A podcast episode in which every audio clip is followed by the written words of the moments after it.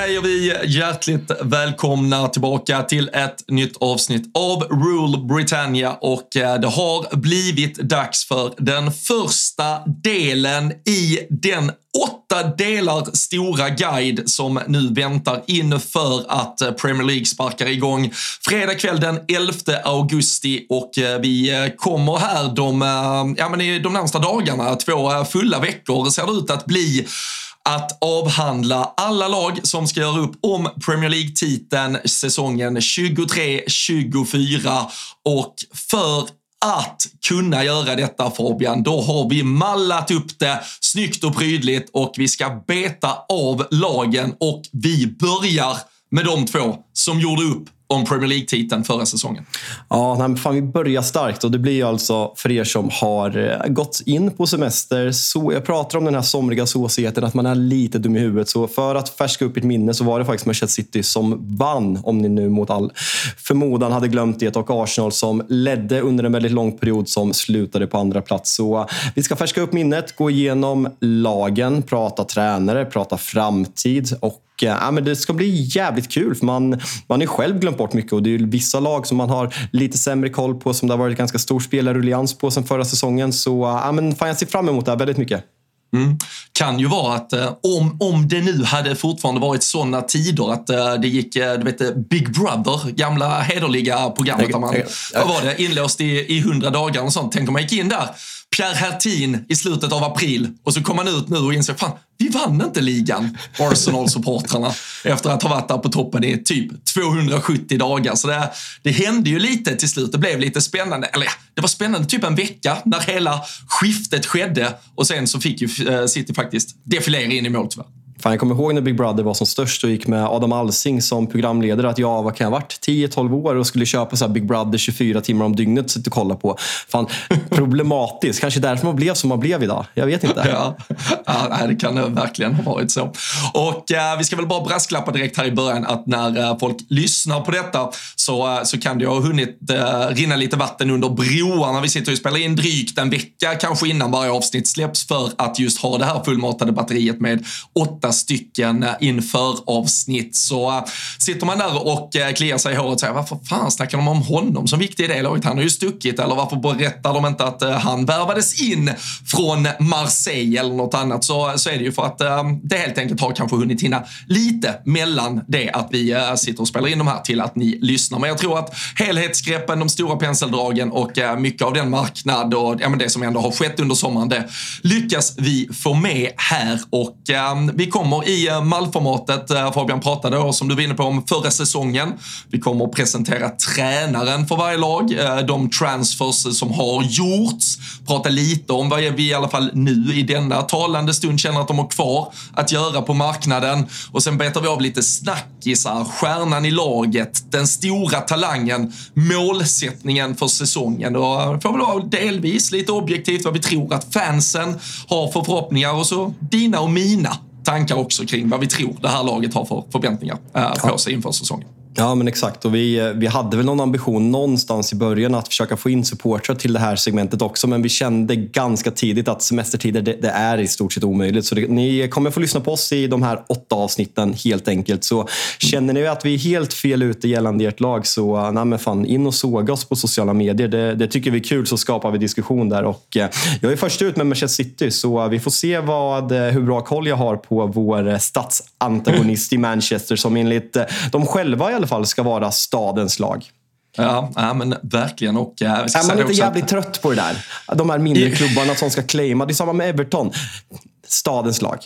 Ja, nej, och, det, och så, är, så är det ju inte. Det, det, det är lite som eh, Espanol-folket i Barcelona säger, men det är vi som är taxichaufförerna, det är vi som är eh, de, de riktiga knegarna och så Och så kommer man dit och så, så hejar ju alla på Barcelona och inte en jävel på Espanyol. Liksom. Det, nej, jag, eh, jag, jag hör vad du säger och håller helt med dig. Vi, vi kommer också efter varje lag beta av lite, ja, lite tankar. Vi kommer att bygga ihop lite långtidsspel på varje lag. De presenteras på, på ATG.se och i våra i olika sociala medier. Så eh, när avsnittet eh, väl är eh, genomlyssnat så, så kan man väl baka ihop det själv till lite egna tankar också. Men man kan då gå in och få våra långtidsspel på varje lag. Men vill man lägga några spel där borta på ATG.se så gäller det att man dels är 18 år fyllda, att man inte har något problem med spelande. Då ska man ju såklart istället vända sig till stödlinjen.se. Så spela ansvarsfullt där ute, men vi hoppas ändå kunna ta fram några, ja, men, några roliga långtidsspel som eh, kanske både sticker ut i, ibland att vi uh, hypar upp någonting eller att vi försöker slå ner på någonting. Så en härlig mix som väntar. Men uh, ska du uh, presentera lillebror då och uh, vad de sysslade med förra säsongen? Ja, det är en fin start på, på de här avsnitten att prata om lillebror och sen prata om den förra säsongen.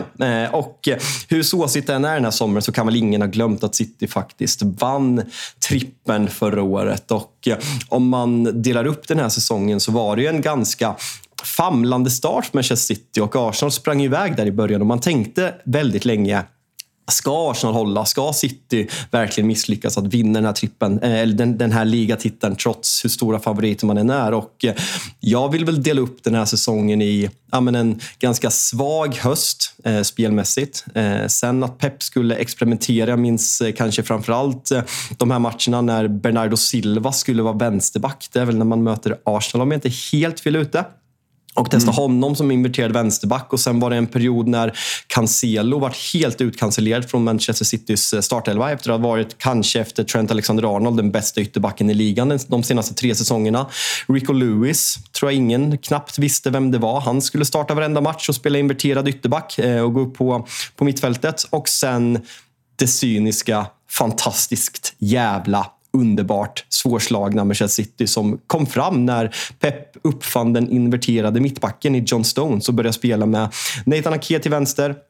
Eh, Ruben Diaz, John Stones och sen, ja men om det var Akanji och sen Kyle Walker lite i slutet. Men ofta spelade han och ställde upp med fyra mittbackar på plan. Och eh, jag har ju kanske tidigare haft svårt att ta mig till Pep Guardiolas lag. För jag tycker inte att det är så jävla kul att eh, titta på. Det är väldigt liksom, kontrollerande, det är väldigt riskminimerande genom att ha possession. Och jag har ju föredragit Jürgen Klopps, nej, men om vi drar det slitna uttrycket, total fotboll och väldigt direkta omställningsfotboll väldigt mycket. Men jag såg ett Manchester City som blev rakare, som spelade mer på sin fysik och eh, vart bättre än någonsin. Vad, eh, vad, vad tänker du på när du tänker City förra säsongen?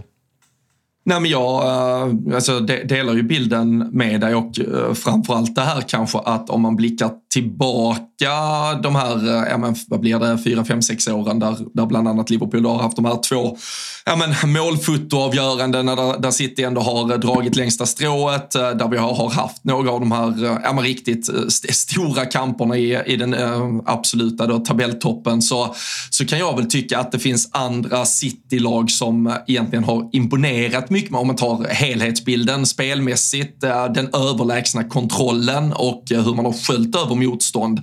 Men blickar vi tillbaka i retrospekt nu så ser vi ju ändå ett City som med allt den eventuella lite famlandet efter saker och ting och att man blev lite mer direkta och att man kanske blev lite men, lite tråkigare och allt det där handlar ju om fotbollsideologi och vad man tycker och tänker om, om det. Men förra säsongen blir ju ändå den säsongen där City till slut vinner allt. Så, så det är ju också en, ja, men en, en resa där det känns som att Pep Guardiola kanske började tumma på vissa principer eller i alla fall ja, men valde att upptäcka sig själv igen, som han gör så jävla ofta tyvärr.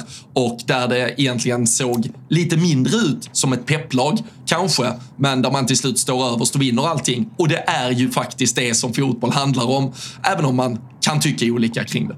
Ja, men det är ingen som kommer komma ihåg att Inter har flest målchanser. Alltså ett undertippat... Nej, men äh, ja, men verkligen en underdog som ingen trodde skulle ha en chans mot City. Det var den enklaste Champions League-final som någonsin har spelats och Inter är ju faktiskt bättre i den här matchen. Men det är ingen som kommer komma ihåg. Folk kommer komma ihåg trippen.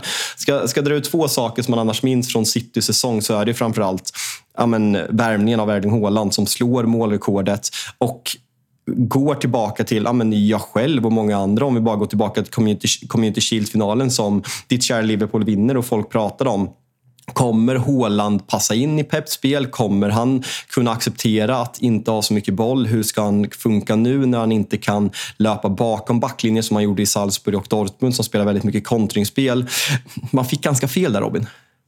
Ja, eh, jag, jag, jag, fick ju trots allt stå på den vinnande sidan av Erling Haaland i, i, i 90 minuter då eh, med den där 3-1-segern. jag, fick, eh, jag, fick, jag fick se rubrikerna och jag fick skriva tweetsen om hur Darwin Nunes skulle vara den som visade sig stå på toppen av den där nummer 9-kampen längst fram. Men det, det, tog, ja, det tog drygt en vecka och så hade vi premiärspelat mot Fulham och så hade vi gett bort alla chanser till att i alla fall själva utmana om den där ligatiteln. Och sen fick man se Erling Haaland springa iväg och göra ett mål per match och äh, inte ens bli muskelskadad. Så äh, han, äh, han slaktar ju fan allting den gångna säsongen. Det kan man nog säga. Jag ska bara, innan vi behöver inte diskutera det här mer, men den andra sak som sticker ut är verkligen om vi kommer ihåg förra årets semifinal mot Real Madrid när man, ja, man spelar ut dem i 180 minuter. Eh, och, nej, två säsonger sedan mina, för att vara tydlig. Man spelar ut dem i 180 minuter och sen så kommer de här ja, avgörandet på Bernabéu för Real Madrids fördel pulveriseringen, alltså när man satte ner foten på Etihad och slår det här Real Madrid-laget som många håller så extremt högt. Och det är liksom Champions League-hymnen, de där vita tröjorna, det är speciellt. Man vinner med 4-0 på Etihad och verkligen, alltså det, det är bland de värsta överkörningar jag har sett på den här nivån någonsin. Ja, de, de hade väl någon överkörning mot, mot er också har jag för mig, även om ni ja, men vi, ja, lite vi, i slutet. Vi, vi, räknas, vi räknas inte. Vi, ni, är inte ni är inte Real Madrid, så Nej, det är väl... Vi var, vi, var, vi var nästan en gång i tiden.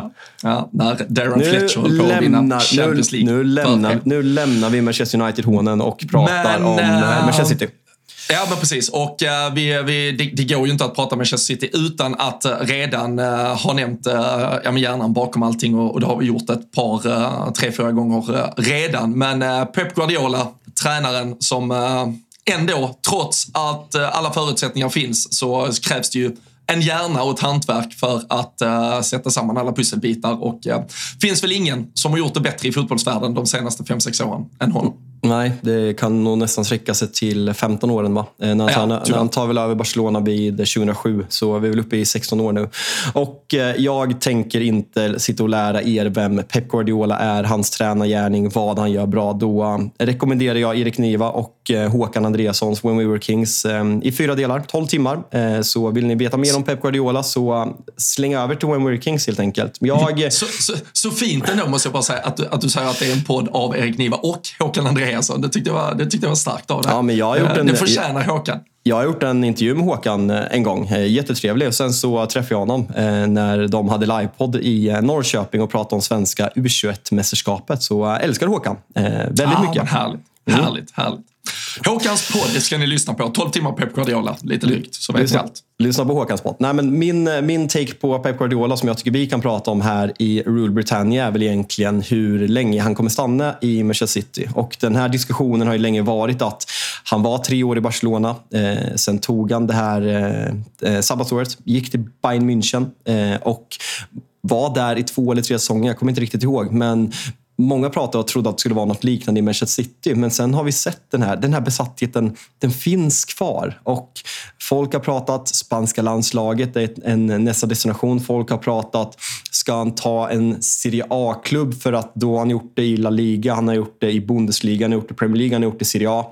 Men kolla på förutsättningarna han har i Manchester City. Kolla på laget har, kolla på budgeten han har. Han kan, värva, han kan peka på vad han vill och få det. Ska han då gå till Milan som precis har sparkat hela styrelsen? Ska han gå till Juventus som begår brott mest vartenda år och är i förfall? Ska han gå till Napoli med en president som är galen? Ska han gå till Inter som ja, men, har ekonomiska bekymmer? Jag, jag, kan inte se det hända hos landslag. Inte än. Peppe besatt. Han vill jobba med spelarna på träningsplan. Det, det går inte. Så jag, jag ser liksom inget förutom de här 115 regelöverträdelserna som ligger över Manchester City som skulle kunna, ja men, skulle kunna betyda en degradering eller poängavdrag eller vad fan som helst långsiktigt. Det vet varken du eller jag. Men jag kan inte se Pep lämna de nästkommande tre åren om det inte är för de här regelöverträdelserna som liksom att något stort, stort sker där. Vad, vad, vad tänker du? Nej, nej men tyvärr är det väl så. Den, den, den cyniska och uh, luttrade fotbollssupportern i en eh, känner väl att de där 115 uh, eh, överträdelserna, eller eventuella, kommer inte rendera i, uh, ja men kanske dels tillräckliga straff för att det ska på så sätt skada Manchester City, varumärket och uh, den, den eventuella framtid Pep Guardiola ser där. Eller att vi ens kanske har ett definitivt beslut på, på vad straffet blir under de här två, tre kommande säsongerna som vi förväntar oss att Pep Guardiola ändå stannar. Jag, eh, jag vet ju själv som Liverpool-supporter att, att man, man, man satt och tittade på de där olika kontraktslängderna för både Pep och Klopp och Klopp hade ju först till 2024. Jag tror att då hade Guardiola ett eh, kontrakt som skulle gått ut denna sommaren.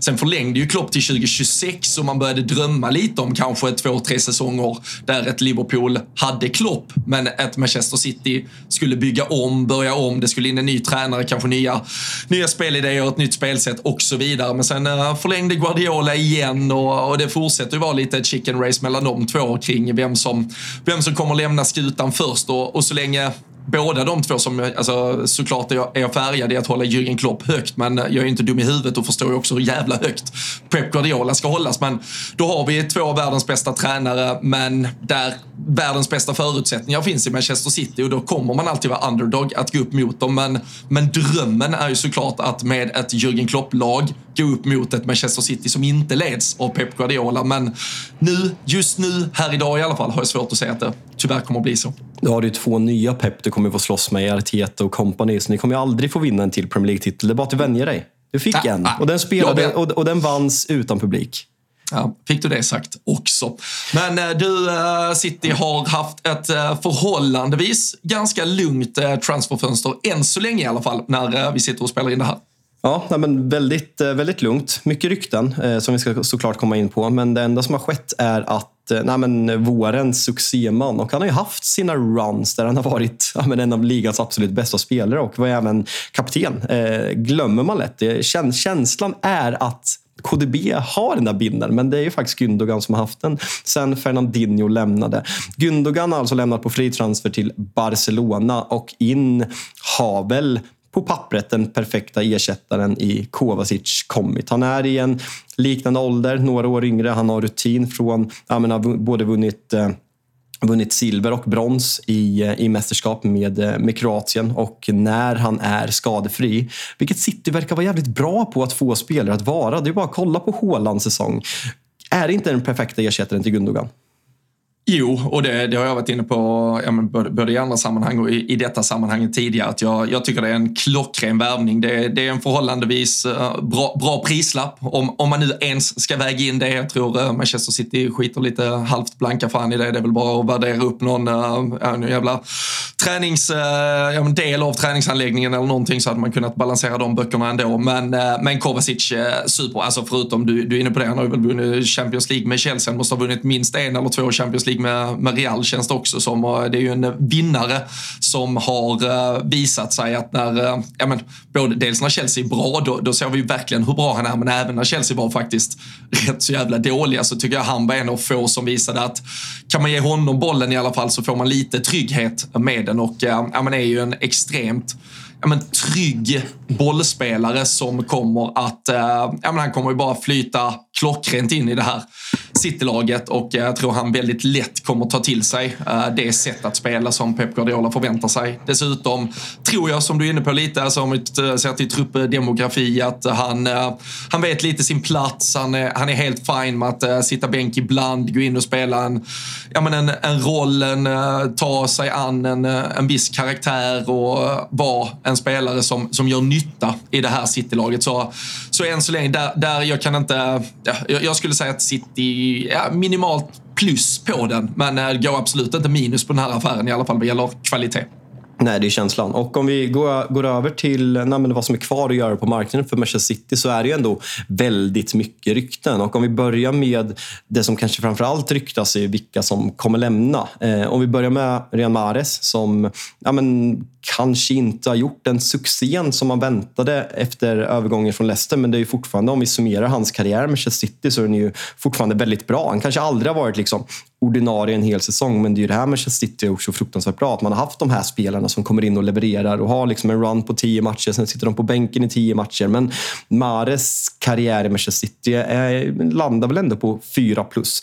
På väg till Saudi alltså. Utöver det så har vi ja, men en liten undlig situation i Kyle Walker som jag inte riktigt har förstått varför. Om det är att han ja, men tappade förtroendet, inte fick spela de här viktiga matcherna i slutet, eh, satt på bänken i Champions League-finalen, ryktas till Bayern München. Pep vill ha kvar honom.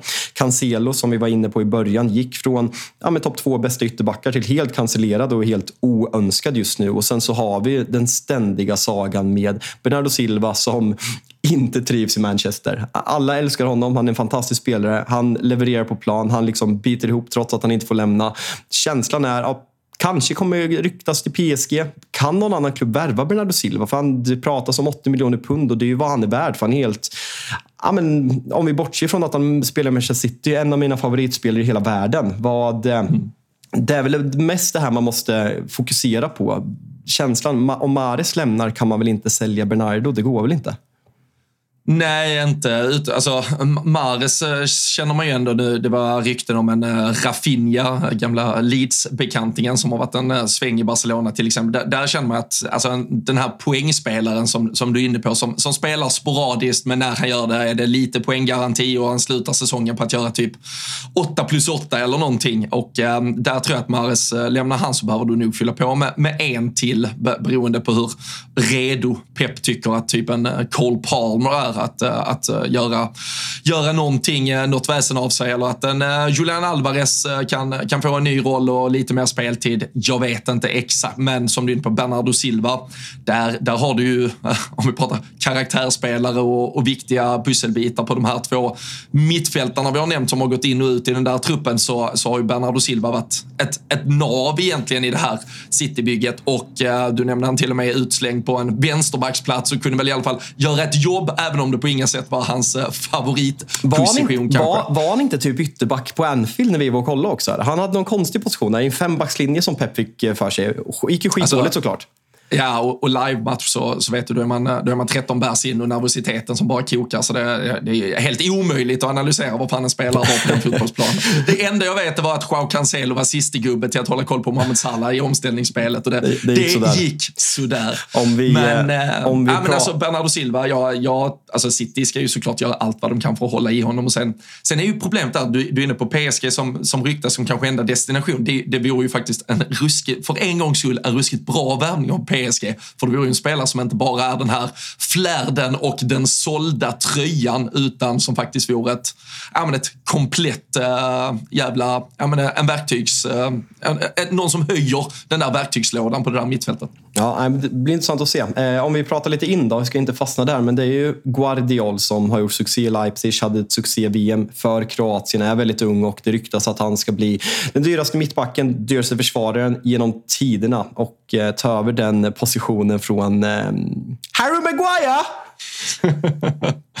ja, och där, eh, där trodde man väl att när vi satt här att, eh, och, och spelade in att det skulle varit klart. Det, det har vi ju nämnt i, i tidigare vanliga ordinarie Rule Britannia-avsnitt hur, hur nära det var. Det har ju varit Here, here We Go av eh, Romano och så vidare. Men vi får väl se. Det, det känns väl som att det är lite tupp, eh, tuppfäktning där nu också. Leipzig eh, har ju redan sålt en del i sommar och det är klart de inte vill tappa. Men när den där miljarden väl kommer upp på bordet och eh, betalningsstrukturen är utredd så tror vi väl att den där affären faller på plats. Ja, nej, det tror jag verkligen. Och det ska verkligen bli intressant att se hur man formerar en backlinje med Nathan Ake. Man har Akanji, man har Laporte, man har Ruben Diaz, man har John Stones och snart har man Guardiol. Det är en helt okej uppsättning med mittbackar. City ja. huserar över. Vi går över till kategorin Stjärnan. Det tycker jag absolut. Och ja, KDB i all ära. Ser man till de senaste säsongerna så kanske han är stjärnan. Men det visuella med KDB, hans personlighet. Kommer han någonsin bli en stjärna för Manchester City? Ja, såklart. Men Erling Braut Haalands intåg i klubben gör honom till såklart, kanske hela Premier Leagues största stjärna. Målrekord och tre titlar första säsongen och alla förväntningar infriades med råge. Hur ska Haaland egentligen svara upp på den här jävla säsongen? Och vill jag bara skicka över en frågeställning. Vi sa ju mm. det här i början att Hålands start var lite hur kan han anpassa spelet? Kan han göra City bättre? Kan han bli bättre i länkup-spelet? Jag såg ändå i slutet av förra säsongen att ja, men målskyttet stagnerade lite. Han blev bättre i spelet, framförallt i det felvända spelet, det kombinationsspelet. Vad, vad ska vi ha för förväntningar på Håland? Vad vill Pep? Vad ser, känslan är att Pep hellre ser att Håland gör 20 mål och är bättre i länkup-spelet än att han gör 40 mål och är oduglig i länkup-spelet. Ja, och, eh, och där, eh, där kommer i alla fall eh, ett av de, de speltipsen som jag, jag har skickat in här och suttit och klämt lite på. Det är ju att vi inte får en lika målrik säsong av Haaland. Så jag, jag, jag håller ju tummar och tår. Jag önskar ingen några stora skadeproblem kanske. Men att han äh, får en äh, vecka baksidan. eller två eller tre eller fyra där, där han äh, har det lite kämpigt med baksidorna. Och, och som du säger, att han kanske integreras mer i spelet. Det, det, det är helt okej att vara integrerad i ett straffområde och dunka in 35 kassar ungefär. Men att, att han kanske blir lite mer av en, en del i laget. Att Julian Alvarez kanske tar, tar mer ansvar, att det är okej okay att eh, växla dem lite oftare än eh, vad man kände förra säsongen. Och eh, ja, men börja blicka lite på något underspel på Håland. Vi sätter någon lina en bit under de där 35 och att han inte kommer upp alls lika högt. Jag, jag, jag, jag tror inte heller, precis som du är inne på, och det var ju mycket, det ska vi vara ärliga och säga, det var ju, vad fan var det till slut? Var det typ fem hattricks under hösten eller någonting där han bara, ja men där han bara dunkade på mot ganska bronkigt motstånd och det, ja, det, det, kom, det kan inte vara lika lätt säsong två. Det, det ska det bara inte kunna vara. Det är, är mitt värsta ögonblick om vi bortser från Manchester Uniteds eh, tillkortakommanden på bortaplan. När man eh, sitter med binden på Mohamed Salah när ni möter Bournemouth och vinner med 8-0 eh, i, eh, i fantasy. Och Salah gör väl eh, 0 plus 1 eller någonting. Och sen sitter man och kollar på Håland som gör hattrick samtidigt. Det var, det var smärtsamt. Men och det, var du... väl fan, det, var, det var fan en match också, förlåt att jag avbryter, men ja. där Pal, leder Pallas med 2-0 till och med. Eller 2-1 i alla fall. De leder ja. i alla fall de, en bit de, led, de leder länge. Ja, det, det är väl ja. ganska liknande Aston Villa-matchen med sena avgöranden och skit. Ja, Fick jag den sagt också. Men, yes. Så är det. Men eh, vem, eh, vem står på, på tur där? Om, eh, om Haaland är stora stjärnan, vad, vad finns det för talanger bakom i det här sittlaget? Alltså du var ju inne på honom och även om han har etablerat sig på kanske den största scenen som finns i VM så måste vi ändå säga att Julian Alvarez får ses som Citys största talang. De här Cole Palmer och vad fan de nu heter i all ära local adsen som Petter Landén så gärna vill se spela och att man ska sälja alla för att få ett mer genuint Manchester City. skiter vi i här. Julian Alvarez eh, petade Lautaro Martinez efter hans svaga start i VM och gjorde succé som Messis parhäst där framme. Jag tycker det ska bli jävligt intressant den här säsongen att se hur City löser den här situationen. För Julian Alvarez du startar inte i Argentinas landslag och vinner VM och nöjer dig med att sitta på bänken bakom Håland hur länge som helst.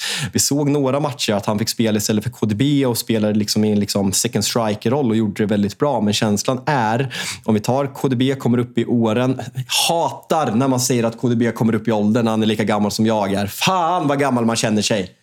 Alltså jag, kommer, jag, alltså jag kommer ihåg när Kiko Makeda... Du är gammal. Du är gammal. Ja, men alltså, jag, kommer ihåg, alltså, jag kommer ihåg när Kiko Makeda gjorde mål. Han är lika gammal som jag. Mot Aston Villa. När fan är det? 2009. Och bara så här, det är det. Äntligen en 91 som kommer upp och bara fan nu, nu mina gubbar, nu börjar man säga att 91 är gamla. Fan också. Skitsamma. Ja, men det ska bli kul att se eh, hur, eh, hur Pep eh, nyttjar Alvarez den här säsongen. Kommer han få mer chanser? Kommer han spela tillsammans med Håland? Kommer Håland få vila mer eller är han besatt över ännu mer målrekord? Eh, han har ju potentialen. Hur länge kommer han köpa att spela andra fjol och kanske bara få starta 5, 6, 7 matcher? Det, det blir något att följa. Mm. Ja, men verkligen. Och eh, om vi bakar ihop då lite eh, slut, eh, slutdelen här, dels eh, målsättning för säsongen och, och, vi har varit inne på snackisarna. Det är ju mycket vad som ska göras kvar, men, eh, men är det, vad, är, vad är det sista liksom avslutande surret kring City och eh, vad har du för förväntningar på eh, City inför säsongen? Nej, men det är ju, alltså om vi, pr vi pratar liksom, så City har väl på något sätt gått ur det där, men historiskt sett i Premier League så, har det ju, så är det ju svårt att försvara en ligatitel och framförallt kanske när man vinner allting, att behålla hungern, att liksom nyskapa. Sir Alex Ferguson var ju expert på det där, att liksom släppa spelare innan någon annan såg att de var på dekis. Liverpool har väl kanske börjat göra det nu under Jürgen Klopp, sen får vi se hur väl, hur väl ehm, hur väl det går när liksom de andra spelarna ska komma in. Men att behålla hungern tycker jag är det absolut viktigaste för Manchester City och hur man lyckas göra det, det återstår att se. Men samtidigt, vi var inne på Pep Guardiola och för mig, så länge Pep Guardiola är kvar i Manchester City så kommer man alltid gå in i Premier League som stor favorit. Och Arsenal-supporterna och Arsene Wenger får säga hur mycket de vill att det ska vara krav på att vinna Premier League man kan inte ställa krav på en klubb av Arsens dignitet, vart man kommer ifrån, hur fort det har gått. Man kan inte ställa krav på ja, men ett Liverpool i ny byggnation med ett helt nytt mittfält. Man kan inte ställa krav på Erik den Hag som gör sin första säsong och ska värva Rasmus Höjlund som typ har gjort en seniorsäsong att utmana det här med Manchester City. De har byggt det här så fruktansvärt länge. Man har Ja, men kanske enligt mig. Jag håller liksom Sir Alex Ferguson som den bästa ledaren, men tacka fan om inte jag håller Pep Guardiola som världens bästa tränare genom tiderna. Hur ska man inte kunna tippa det här laget som etta i Premier League? Det, det, för mig går det inte. Nej, nej jag, jag kan eh, bara instämma. Det, det, är de som alltid går in som eh, favorit. Det krävs att de eh, chokar lite, att kanske stora skadeproblem dyker upp eller något annat stör dem rejält och så får man ligga i lite pole position eller slagläge då, där, där bakom för att ta sig förbi dem. Och det lag vi ska gå vidare till Fabian, de gjorde det väldigt länge men sen uh, körde de bort sig i sista chikanen och uh, så blev det uh, ja, defilering i mål för City-gänget. Det, det, har blivit dags att snacka upp Arsenals uh, chanser inför kommande säsong. Vi gör detta avsnitt i samarbete med Telia och det vi gillar med Telia Fabian, det är ju att man kan samla alla sporter på ett ställe och då menar vi verkligen alla hur eh, smart är inte det? Ja, i höst kan man alltså exempelvis kolla när Premier League och Champions League drar igång. Samtidigt som man kan följa slutspurten i Allsvenskan och gruppspelet i SHL. Med den grymma Telia Play-appen kan man dessutom se alla sporter, matcher live eller i efterhand. Om det blivit någon krock eller om man har varit iväg på något annat äventyr medan matcherna gick live. Och eh, vill man, eh, varför man nu skulle vilja det, kanske alltså ta en liten, liten paus från eh, all sport som finns där ute, så kan man ju såklart även plöja igenom hela det enorma utbud av filmer och serier som finns på Viaplay och Simor genom Telia. Och man kan, håll i hatten nu här Fabbe, alltså även lägga till HBO Max utan extra kostnad. Otroligt. Och då sitter folket där hemma och tänker hur saftig den här notan blir. Nej, men alltså det kostar ju bara 649 kronor i månaden, vilket gör att man alltså sparar över 500 kronor jämfört med om man köper alla de här tjänsterna separat. Nej, men det är eh, total succé och eh, samla sporten smartare, spara massa pengar. Det är Telia det, så stort tack till Telia. Ja, men exakt. Turen har kommit till dig att prata om det här Arsenal som, eh, ja, men om vi går tillbaka i ungefär två år i tiden som... Eh, ja, men man minns ju när eh, folk stod med högafflarna och skrek Arteta out. Man började med tre raka förluster i Premier League och låg på sista plats samtidigt som Tottenham ledde Premier League. Och vi kan väl lugnt säga att på de här ja, 24-25 månaderna att det har hänt ganska mycket, va Robin? Ja men äh, verkligen. Och um, oavsett äh, hur eh, eventuellt besviken man, man till slut var som Arsenal-supporter på att det där inte räckte hela vägen in i mål så äh, slog man ju såklart alla förhandsförväntningar under eh, förra säsongen. Man, eh, man ledde serien eh, rekordlänge innan verkligheten kom ikapp. Och det var ju en, ja men oavsett om man vill sätta bottle-stämpel eller ej på det så var det ju en extremt svag period där i vad som blev väl typ början, mitten av april till typ mitten av maj där man tappade allt för många viktiga poäng. Det började väl med den där kvällen på Anfield när man hade hade 2-0-ledning. Eh, Granit Xhaka skulle börja bråka med Nej. Trent Alexander-Arnold. Det, det, det, där är så trött Liverpool på. vaknar och äh, vänder och äh, i alla fall tar med sig en viktig poäng för vår del och äh, Arsenal sen efter det, ja du, då tog de inte många poäng och har ju sen, det är väl bara ett par dagar senare man möter West Ham, när Bukayo Saka missar straff och så vidare. Det, det blev lite mjuka pannben i alla fall och eh, man kunde se City springa förbi i, eh, i eh, innerfil istället. Men med det sagt, på förhand och det är väl så man alltid ska. Det är skitsvårt som supporter, men ska man eh, i efterhand recensera en prestation så måste man ju ställa den i paritet till förhandsförväntningar och då var det väl inget lag, kanske Newcastle undantaget då, men som överpresterade så mycket som Arsenal gjorde. För det var ju faktiskt, och dessutom i tillägg till en bra position så var det ju ett Mikael Arteta som byggde ett lag som dessutom var jävligt skoj att se på. Kanske lite den där problematiken av att det krävdes väldigt mycket samma startelva. Det är väl det man får lite kritik för. Och att man inte orkade dubbelspela kupporna. Även Europa gick man ut ur ganska tidigt. Men när man hade den där bästa elvan på plan i Premier League-matcherna i 30-32 omgångar då var det ju ett helt otroligt Arsenal. Så äh, de äh, måste ju ändå med facit vara nöjda med prestationen. Sen att det kan noll vad gäller titlar och troféer, det eh, grämer säkert någon. Ja, och jag tyckte man såg, alltså det, finns, det finns så mycket att säga om Arsenal den här säsongen. Och eh, jag, jag har pratat mycket om stämningen på Emirates. Som jag, de två gånger jag besökt Emirates har som ja, men kanske sämst av alla Premier League-upplevelser jag har haft. Alltså man, det verkligen glödde genom tvn. Alltså man såg hur roligt fansen tyckte att det var att ha ett Arsenal som man kan ja, men känna för igen. Att du kan relatera till spelarna, att du kan älska spelarna. Och eh, det är något som jag tycker är jävligt fint när liksom sånt verkligen lyser igenom tvn till och med. Sen måste vi också prata om, alltså jag kommer ihåg att Alltså jag tänkte verkligen i mitt huvud väldigt länge att när, när Saka kom upp, det tog ett tag innan jag såg hans storhet. Jag höll liksom exempelvis Emil Smith Rowe som en större talang väldigt länge, men Saka har verkligen gått och blivit den här superstjärnan som Arsenal-fansen hoppades och trodde att han skulle vara. Vi vet ju alla hur många, ja, men det är väl samma, det är väl inte bara Arsenal-fans, det är samma med alla lag egentligen när de här spelarna kommer upp. Ja, men Guendouzi skulle bli nästa kapten och sen bara, ja, men jag orkar inte rabbla alla. Men det, det, det känns som att Arsenal-supportrar väldigt lätt att hypa egna spelare som till slut har hamnat i Marseille-typer av klubb. Men jag hade ju hela tiden känslan att Fortsätter Saka bli så här bra så kommer han spela med Chelsea City om tre år. Vi har sett det tidigare. Och det, det, kommer fortsätta ske.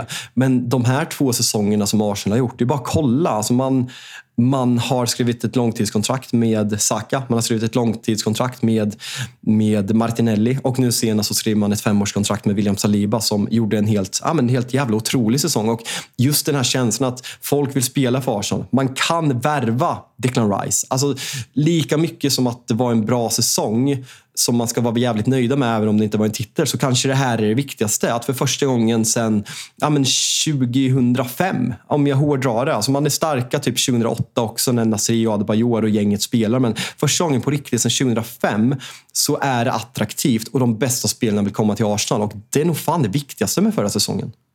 Ja, nej men verkligen. Och, eh, och det ligger ju mycket på och eh, kan ta oss till eh, tränaren som har ehm, byggt allt detta. Och ehm, det är ju Mikael Arteta, det är Guardiola-adepten som verkligen fått ordning på Arsenal. Och ehm, ja, men som jag var inne på i alla fall, jag tycker att de, de stundtals spelar helt briljant fotboll. Långa stunder förra säsongen så, så var de då dels en, eh, ja, men en vinnande maskin, men man var också en eh, ett, ett fotbollslag man, man gärna kunde bänka sig och, och se uh, underhållningen i 90 minuter från och uh, det, det smittar ju av sig. Dels som du är inne på, läktare som levde med och uh, det gör man inte bara av att gräva fram 1-0-segrar utan det kräver ju ett, ett sätt att spela fotboll som engagerar men sen då också den attraktivitet och attraktionskraft som, som det gör för spelare som sitter och och funderar över sin framtid och var man vill spela sin fotboll härnäst. Eh, så,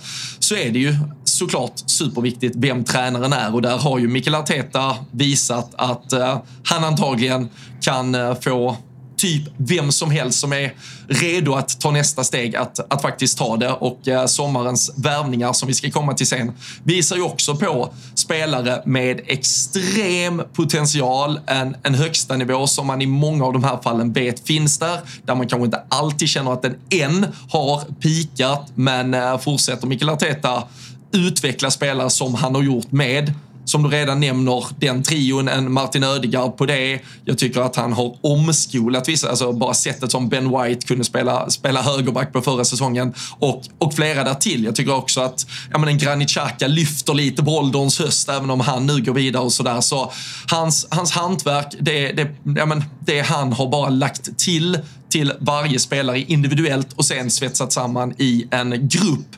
Det gör ju honom ja, men, otroligt spännande för att se vad han kan göra framöver med det här bygget. Och jag, jag, tycker att det är jävligt intressant där med att jag förstår att det är svårt att en klubb som Arsenal som inte har vunnit något på länge att ha tålamod med tränare.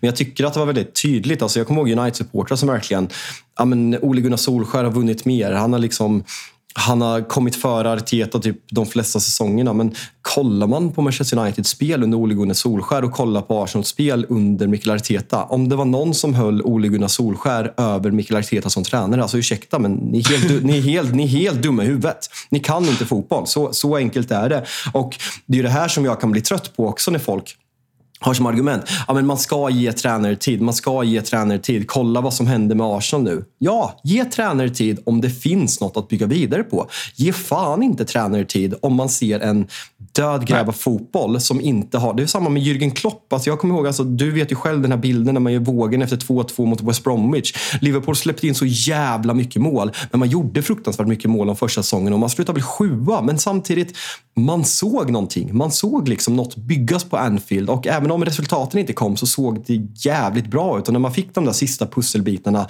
i Allison och van Dijk som liksom fixade till den där backlinjen så blev man världens bästa lag. Och det är där Arteta jag ska inte säga att han är där och ska göra vad Jürgen Klopp har gjort, men det är ju det man såg från första början. Men jag ska skicka över en fråga till dig som har gnuggat på här med Arsenal. Vad, eh, vad ska man ha för kravbild på det här laget egentligen? När ska kraven börja ställas så att man ska vinna saker? Nej, men där, eh, som vi var inne på tidigare, så eh, har ju Arsene Wenger bland annat uttalat sig om att nu då med de här värvningarna som har gjorts, så där kan vi väl bara eh, ja, men, beta av dem en efter en med Kai Havertz, Declan Rice, Jurien Timber. Det är de som är klara på infronten och med tanke på hur mycket pengar man har lagt där, drygt 2 miljarder, så, så ska det väl kanske inte in några jättestora namn in till då ytterligare.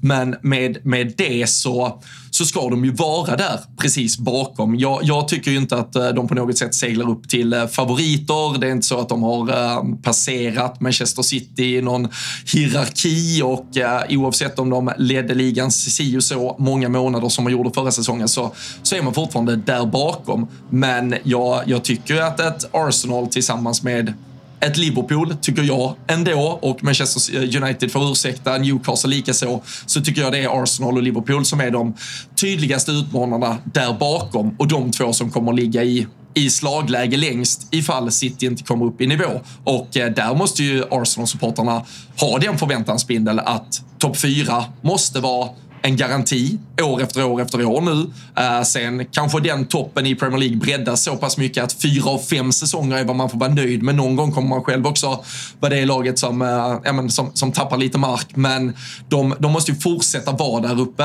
för de behöver antagligen göra en till sommar, kanske två till somrar, där de fortsätter etablera och bygga och eh, för att inte dels gnistan ska gå ut supportrarna, för att en eh, William Saliba inte ska börja titta åt ett annat håll en sommar om, om redan om ett år eller sådär, så måste de bara fortsätta etablera sig som ett Champions League-lag och kanske börja prestera i Champions League också. För det blir även kritiken när de faktiskt var riktigt bra i Premier League, att det ändå inte räckte till i Europa.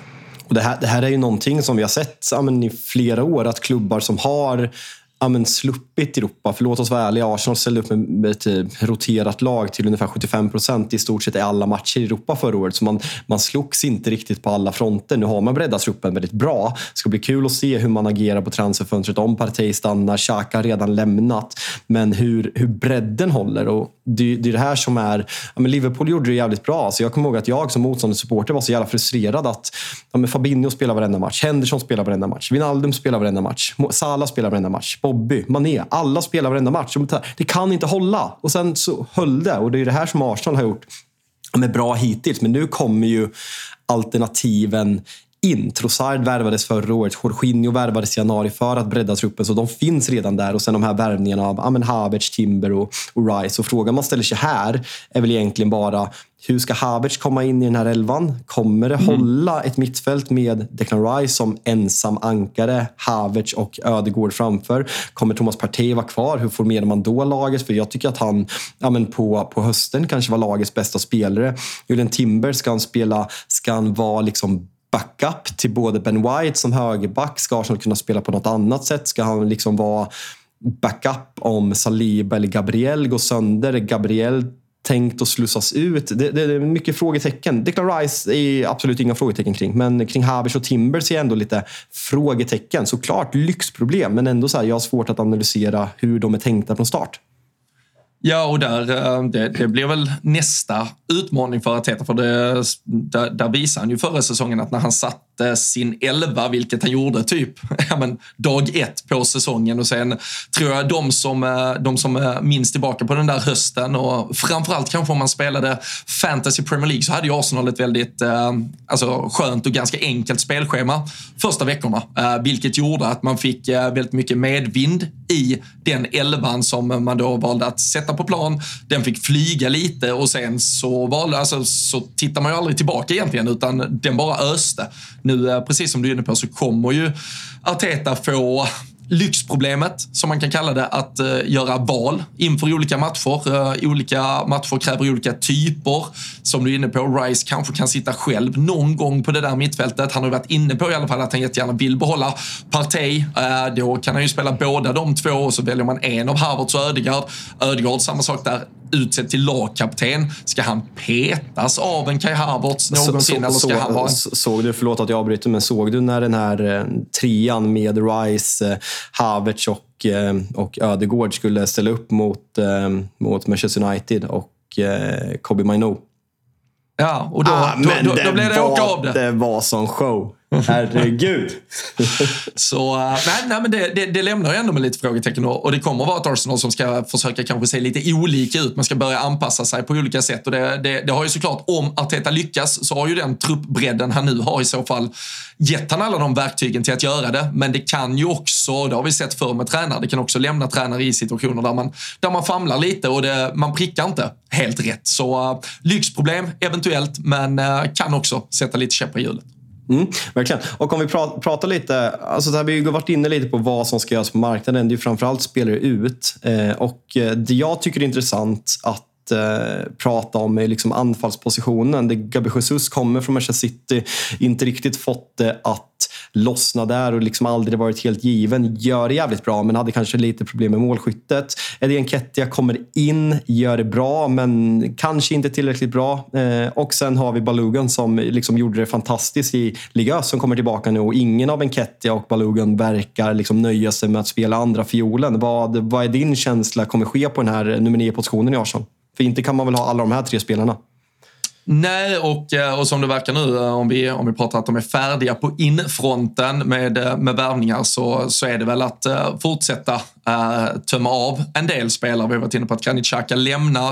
Uh, av, av övriga spelare man kanske känner igen så är det Pablo Mari och uh, Maitland Niles som, uh, som har lämnat också. Um, Tabares, Holding är väl spelare man också säkerligen kan tänka sig att sälja. Och sen som du är inne på då, Follerin Balogan som, som var på lån till Eh, ligga öst in eh, mål där borta, men som inte verkar eh, varken själv ha intresset att, att komma tillbaka riktigt och konkurrera och Arsenal ser väl honom då som en, en, en möjlig liten eh, lagom stor kassako i alla fall för att eh, dra in cash. Sen tycker ju inte jag heller som du innebär att Eddie Nketiah räcker till att, eh, till att spela så många matcher för ett lag som eventuellt ska slåss i den där absoluta toppen.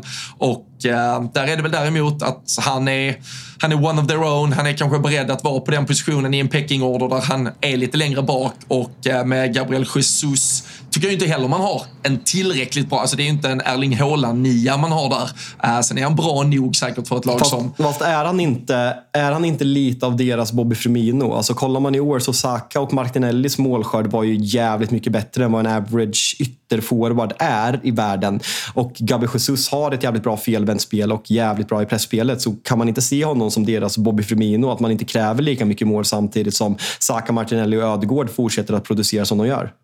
Jo, och det är därför jag också tror att Kai Havertz kan vara ett alternativ till honom minst lika ofta som han är ett alternativ på det där ja, tremanna mittfältet eller som en av två offensiva åttor-tior eh, framför en Declan Rice eller en eh, Thomas Partey. Så eh, jag, jag, tror att eh, num nummer nio-rollen kommer man nog lösa på det sättet med att, eh, med att spela Jesus och, och en hel del även Kai Havertz. Eh, för de, eh, som sagt, det, det ska nog inte värvas mer. Jag tror man kommer sälja Balogan och eh, sen kommer man väl ha kvar Eddie Nketiah i, i truppen. Men uh, jag tror för Arsenals del att man nog inte ska vilja se honom spela allt för ofta uh, om det här laget ska slåss i toppen.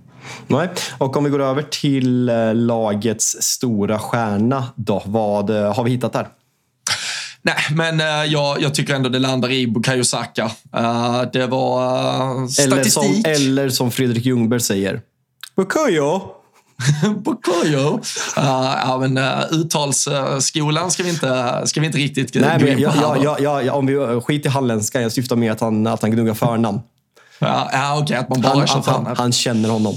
Ja, det gör han verkligen. Men, äh, nej, men alltså, eh, det, det, var ju, jag kan, man kan raljera lite om att man eh, i slutändan såg statistik från förra säsongen som visade att eh, Mohamed Salah ändå gjorde det klart mycket bättre från sin högerytterposition än vad Bukayo Saka gjorde. Men hans äh, men, influens på, på laget, hur mycket han eh, drev på det här Arsenal-laget, så, så är ju, alltså, han är ju också deras stora gunstling. Han är ju, han är ju fansens favorit på alla sätt och vis. Eh, jag tycker man kan argumentera för att Martin Ödegaard var, var bäst i det där Arsenal-laget förra säsongen. Du har även nämnt en eh, Saliba. Jag måste avbryta igen. Men hur kommer det sig att man ibland gnuggar man det engelska, att du säger Martin Ödegaard. Jag gör det också ibland, men man säger inte Haaland. Nej, jag vet. Men Ödegaard det låter, det låter jag, så fint. Jag vet, jag vet. Men det, blir, det, det, det, är fel, det är fel egentligen. Men det är bara så här, varför? Det är, det är sjukt. Jag vet. Ja, ry, Haaland, ry, Haaland kommer det aldrig bli i alla fall. Ja, jag, jag, jag kör, du, vet, du är Häckenspelaren. Jag kör Mikael Rygaard. Jag kör inte Mikael Rygård. Nej, nej men äh, där, alltså när man avslutar med det. Alltså Håland så är det ju det första. Haaland, det blir fel. Men, äh, nej, men när det är det där Gård-namnet, äh, så Gard, det, det, det, sätter ju... Det låter det sätter in lite, Ja, och det sätter in det, det norsk-danska äh, mycket mer i det. Så äh, nej, men äh, vi, vi kan väl landa i Ödegård då. Tycker det låter lite svenskt och trist bara.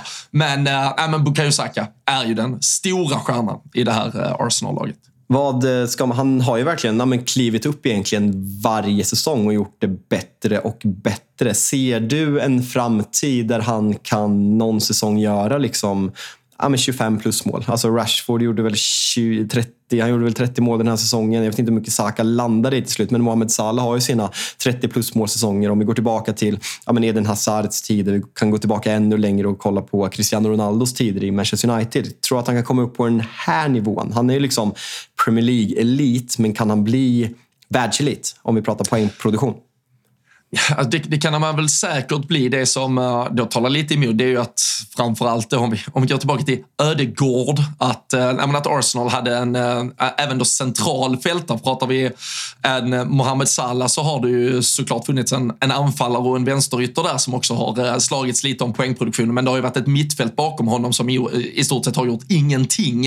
I, i det här Arsenal-laget så har det ju ofta varit tre offensiva mittfältare om vi lägger in Ödegård, Martinelli och Osaka och sen då det dessutom en nia som ska dela på det. Det gör ju att hans beskärda del kanske blir lite mindre. Men ska Arsenal slås i den absoluta toppen, ska man utmana länge i Europa, gå långt i Champions League, ja men då ska han väl på säsongstotalen, alla kupper och tävlingar och turneringar inräknat, upp och nosa kring 30 för att Arsenal ska ha en chans att, att utmana överallt. Ja, känslan är, om vi går över till nästa kategori, att du har ett urval. Det är väl typ Premier Leagues yngsta trupp vi har att göra med. Och Det är så frustrerande som motståndarsupporter när man ser det här laget och bara, fan, ingen är typ över 25. Vad fan är det som här sker? Alltså hur bra kommer de här bli? Nej, men det, det är ju som du eh, är inne på när vi, när vi pratar talanger, eh, eller talang-N som kategorin heter, så, så funkar ju inte det riktigt i Arsenal, utan här är det ju talanger. Och eh, tittar vi bara på de som redan var med och, och byggde laget förra säsongen så, så är det ju en Martinelli, där är en Saka, där är en eh, Ödegård, visserligen lite äldre då än övriga och, ja, men, och längre bak i laget så har du dels en, en ung målvakt i Ramsdale och så har du ju då eh, William Saliba som kanske växte ut och stundtals i alla fall var hela ligans bästa mittback eh, förra säsongen. Och eh, där är det ju, på tal om de här upphypade spelarna, du nämnde en Guendouzi tidigare som eh, sen går på, på olika låneutflykter till Frankrike och så försvinner han lite i periferin och sen kan det ta något år och så dyker de upp igen. Men William Saliba kom ju som superhypad mittback till Arsenal för ett antal år sedan. Var sen tillbaka i Frankrike. Man kände väl att nej, här har de nog gått fel igen, Arsenal. Hade, men, en, lite, hade, hade en liten runkskandal där där också. Va? Filma någon fransk lands, eh, lands, eh, landsman som satt och onanerade och la ut på sociala medier och fick väl en månads avstängning om jag inte är helt fel ute. Det här, det här, är, det här är för eh, konnässörerna, de, som har, de som har lite för mycket tid i sina liv. Men, det är faktiskt men, något jag har missat. Men, men, men, men ack så viktigt att tillägga. Ja, men verkligen. Jag saknar den William Saliba. ja, nej, nu har han ju faktiskt bara tyvärr växt ut till att bli en helt otrolig mittback. Fortfarande bara 22 år. Eh, som vi har nämnt, eh, skrivit ett nytt långt kontrakt. Och eh, ja, men han är ju ändå den, den, den absolut största. Han har antagligen den absolut högsta ja, men potentialen i det här laget och kan växa ut till att bli ja, men världens bästa mittback. Och eh, har du den potentialen, då är det klart att du måste ses som, som hela lagets absolut eh, största talang. Men det är sällan man ser en mittback som är så självklar från den här åldern. Och det är som du säger, att han värvades som en supertalang. Men sen kändes det ja, men, disciplinära problem, den här videon som jag, som jag pratar om och även att flera utlåningar. Och sen bara kommer han första säsongen och är så fruktansvärt självklar från början. Och det går ju liksom, jag vet att Gary Neville visade upp statistik som visade på, många Arsenal-supportrar hade ju skadan på William Saliba som den största anledningen till att eh, till att man liksom stagnerade på slutet och tappade väldigt mycket poäng. Men kollar man på antal insläppta mål och antal hållna nollor så var det ingen lavinartad skillnad. Men poängsnittet var en väldigt stor skillnad och många pekar ju på att hans passningsfot var vital i liksom uppbyggnadsspel och så vidare. och så vidare.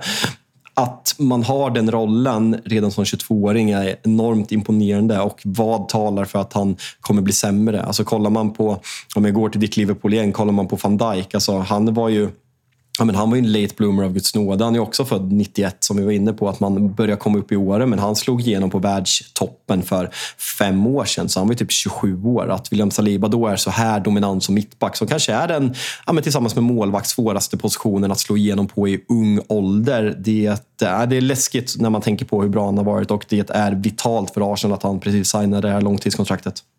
Ja, nej, verkligen. Och eh, nu är ju då eh, målsättningen, kan jag tänka mig om man eh, frågar supportrarna där ute, att, att fortsätta slåss i den där absoluta toppen. Jag tycker att man eh, utifrån sett objektivt eh, bara kan eh, konstatera att om Arsenal kan fortsätta komma topp fyra, man, man visar att man är med där, man, man ligger och skvalpar precis bakom City man eh, fortsätter vinna övertygande, fortsätter spela bra fotboll, lyckas få in de här nya värvningarna som, som har världsklasspotential i sig eh, i bygget och eh, dessutom visar på Europascenen att man är med på allvar och konkurrerar mot de lagen man ställs mot i Champions League så, eh, så tycker jag det ändå ska vara målsättningen för Arsenal. Sen eh, tror jag att fansen känner att eh, någon, någon kupptitel här eller där hade varit eh, jävligt fint att vinna med det här laget. För jag tror att man känner sån, ja, men sån kärlek just till upplagan av Arsenal, att man vill se dem stå överst på troner också. Men jag tror man har man, har,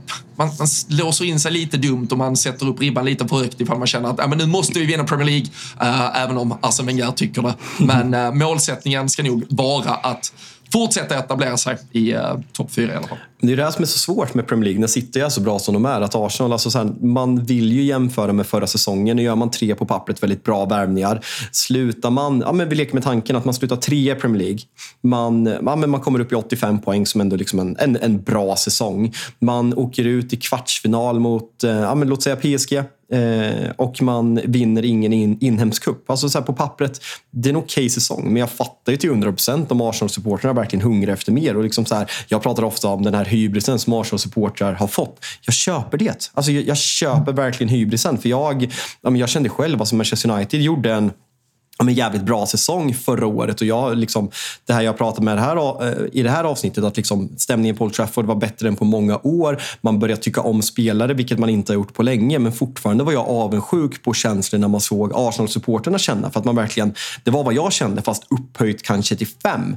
Och folk frågar mig så här, ja, men tycker du att Manchester United gjort en bättre säsong än Arsenal? Och många United-supportrar idiotförklarar mig för att jag håller Arsenals säsong som högre. Jag håller inte en ligacup högre än att få drömma. För Arsenals-fansen fick fan drömma förra året. De fick drömma om Exakt. en ligatitel och det är fan det finaste som finns. Jag var så jävla avundsjuk på det. För det, det är över tio år sedan för mig. Du har ju fått uppleva det här de senaste tio åren. Jag har inte fått gjort det. Så det, ja, men, det, det blir kul att prata mer med, med Pierre, hur man ser på den här säsongen och vad förväntningarna är som supporter om vi bortser från det liksom rationella. För det, vi vill ha in supportkänslor. Det är det som är svårt för dig och mig att sitta... Vi kan sitta och säga att en tredje plats och en kvartsfinal är acceptabelt, det är bra. Men som supporter, nej, det, nej, det är svårt. Ja, men det, jag, jag tycker att eh, det landar helt i det som du, du är och berör. Att det, det handlar bara om sättet man gör sakerna på. Låt, låt, låt en drömma, som du är inne på. Var, var, var nära så länge det går. Eh, Det, det kanske skiter sig de sista tre, tre veckorna och, och då är kanske City för tunga. Men eh, gör, gör, gör ditt eget jobb så att säga. Kom upp på de där 86, 87, 88 poängen. Uh, och så, så vet du att det, det, det går inte att kräma ut mycket mer av ett normalbyggt Premier League-lag. Utan eh, det, det är där du kan vara. Sen, eh, sen krävs det yttre omständigheter för att det ska kunna ge dig de absolut största framgångarna. Men var med där, vinn matcherna, gå på liksom långa streaks, känn hur det bara pulserar, känn hur läktarna lever med och eh, så får man eh, ta det därifrån. Så äh, bygg på momentum.